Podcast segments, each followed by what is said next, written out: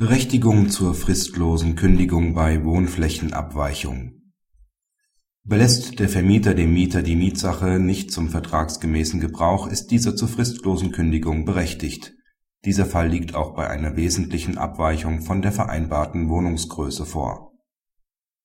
Die Parteien vereinbaren eine Wohnungsgröße von circa 100 Quadratmetern. Später werden tatsächlich nur 77,37 Quadratmeter festgestellt die Mieter verlangen die für die nicht vorhandene Fläche gezahlte Miete zurück und kündigen den Mietvertrag fristlos.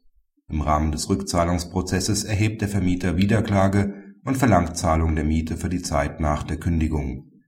Der BGH führt aus, dass die Kündigung nach 543 Absatz 2 Nummer 1 BGB berechtigt war.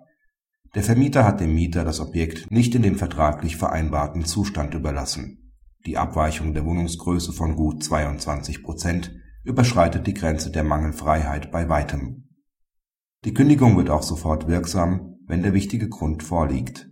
Die Frage, ob dem Mieter eine geringere Wohnungsgröße zuzumuten ist, stellt sich nicht. Denn § 543 Absatz 2 BGB beinhaltet typisierte Fälle der Unzumutbarkeit der Fortsetzung des Vertragsverhältnisses die Kläger haben auch unmittelbar nach Feststellung der von der Vereinbarung abweichenden Wohnungsgröße den Mangel geltend gemacht und die Kündigung ausgesprochen, so dass ihre Rechte auch nicht verwirkt sind. Praxishinweis Die zutreffende Entscheidung zeigt, welches Risiko der Vermieter eingeht, wenn er eine zu große Wohnfläche mit dem Mieter vereinbart. Auf ein Verschulden des Vermieters an den falschen Angaben kommt es zudem nicht an. Zwar ist nach 543 Absatz 3 BGB eine Abmahnung vor Ausspruch der Kündigung notwendig, diese Voraussetzung entfällt aber, wenn Abhilfe nicht geschaffen werden kann.